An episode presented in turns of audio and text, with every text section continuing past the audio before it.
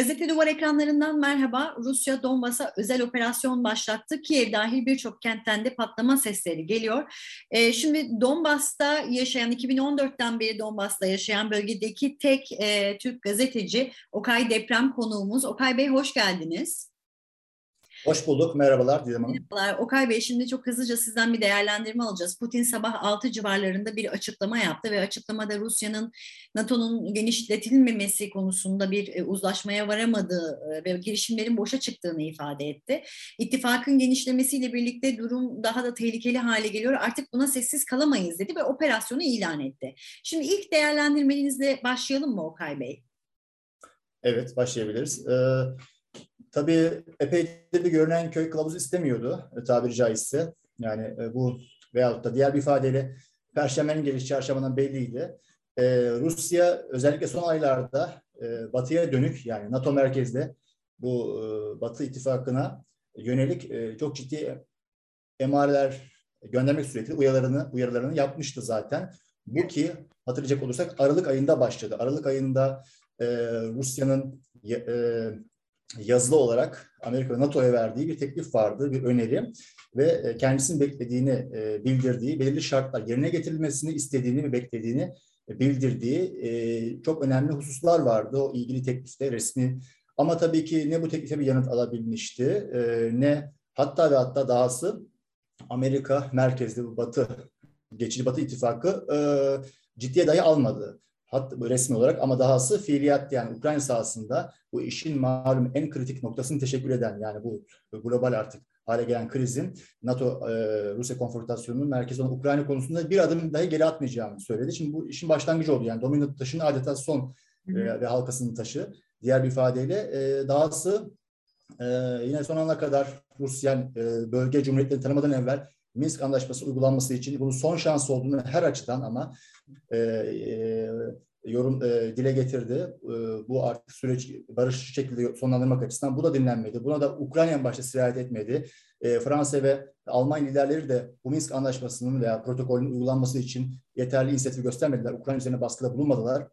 Amerika zaten geçti bu noktada. Dolayısıyla dolayısıyla ve Ukrayna'nın bu arada en son olarak son günlere attığı adımlar da Rusya tabii ki iyice tahrik etmiş bulundu her açıdan. E, dolayısıyla biraz artık bu kaçınılmaz hale geldi şu anki süreç.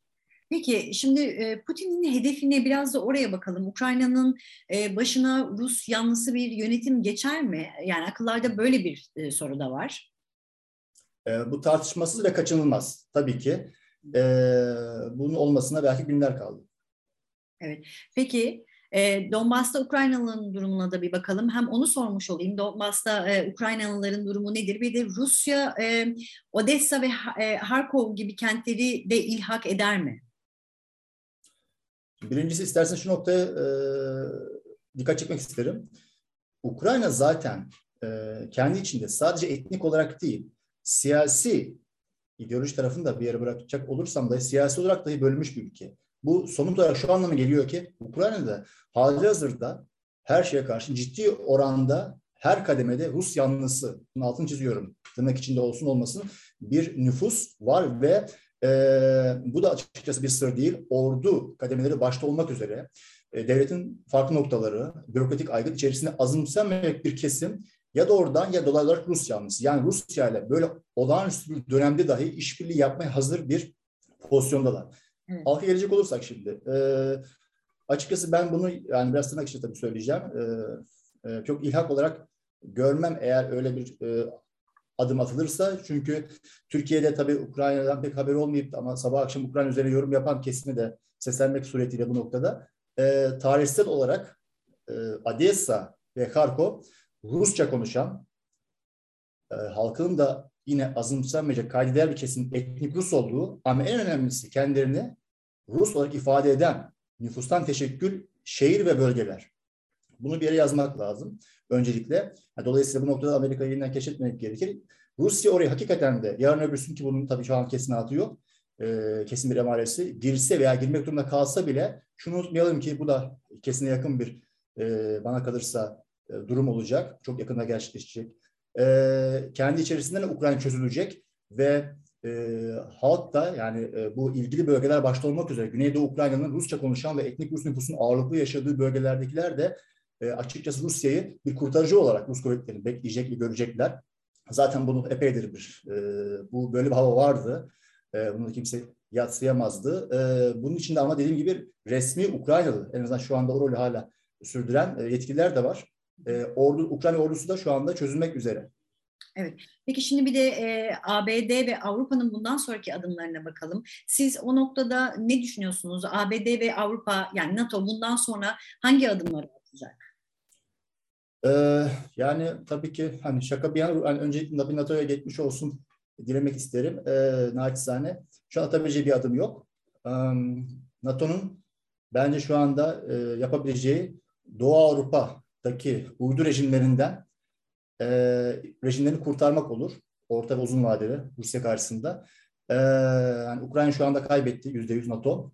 Gerçi zaten almamıştı ama yani bundan sonra ileri bekleyelim. E, Ukrayna senaryosu bitmiş oldu NATO için. E, ben açıkçası herhangi bir şey yapabileceğini düşünmüyorum. Çünkü biz bu filmi e, malum 2008'de gördük. Rusya'nın çok daha zayıf zamanında dünya ve hiçbir, hiçbir şekilde bunu beklemezken hatırlayalım. İşte Gürcistan'daki e, Güney Ossetya müdahalesini kastediyorum. Daha evvel Avrupa'da vardı gerçi. E, o zaman hakikaten de tereyağından kıl çeker gibi bu müdahaleyi yaptı. Ki çok rahat Tiflis'e bile girme imkanı vardı ki bunu yapmamıştı o zaman Rusya. Yani Fransa falan girmişti hatırlayalım arabacı olarak. Ama tabii şimdi işler değişti. Konfigürasyon çok farklı. Ee, yani bakın iki kere iki dört adeta Amerika'nın kendi büyükelçisi Kiev'den eğer e, Polonya kıyısındaki e, dibindeki Lvov adlı kente taşımış ise e, demek ki o zaman Amerika sahayı Rusya için boşaltmış anlamına geliyor. Bu oldu mu? Oldu. Sadece Amerika değil zaten bu açıdan e, söz konusu olan ülke. E, pek çok batı ülke e, diplomatı da bunu yaptı. Bizzat kurumsal olarak e, büyükelçi ve başkonsoloslukları belli kentlerden batıya taşıdılar. Bunu Rusya son ana kadar yapmamış. Dikkatinizi çekiyorum. Yani bu anlam ne anlamı gelebilir? Ee, Amerika bir yerde bir yerde haklı çıktı. Yani Rusya'nın müdahale edeceğine dönük e, Ukrayna'ya. Evet bu oldu ve e, olacak.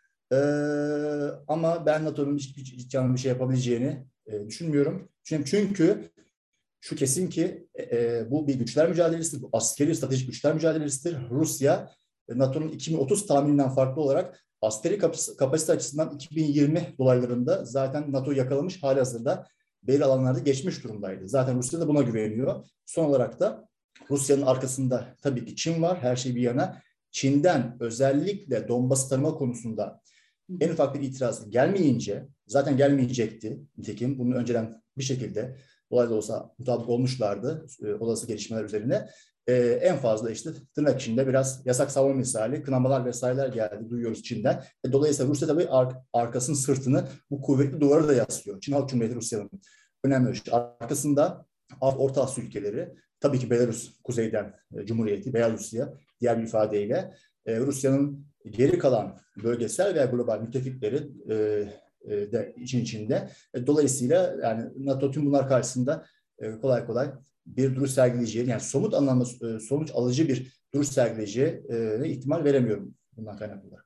Peki Okay Bey o zaman son bir soruyla tamamlayalım. Şimdi güvenlik zirvesi tam da şu saatlerde e, Cumhurbaşkanı Recep Tayyip Erdoğan başkanlığında Baştepe, Beştepe'de toplan, toplandı.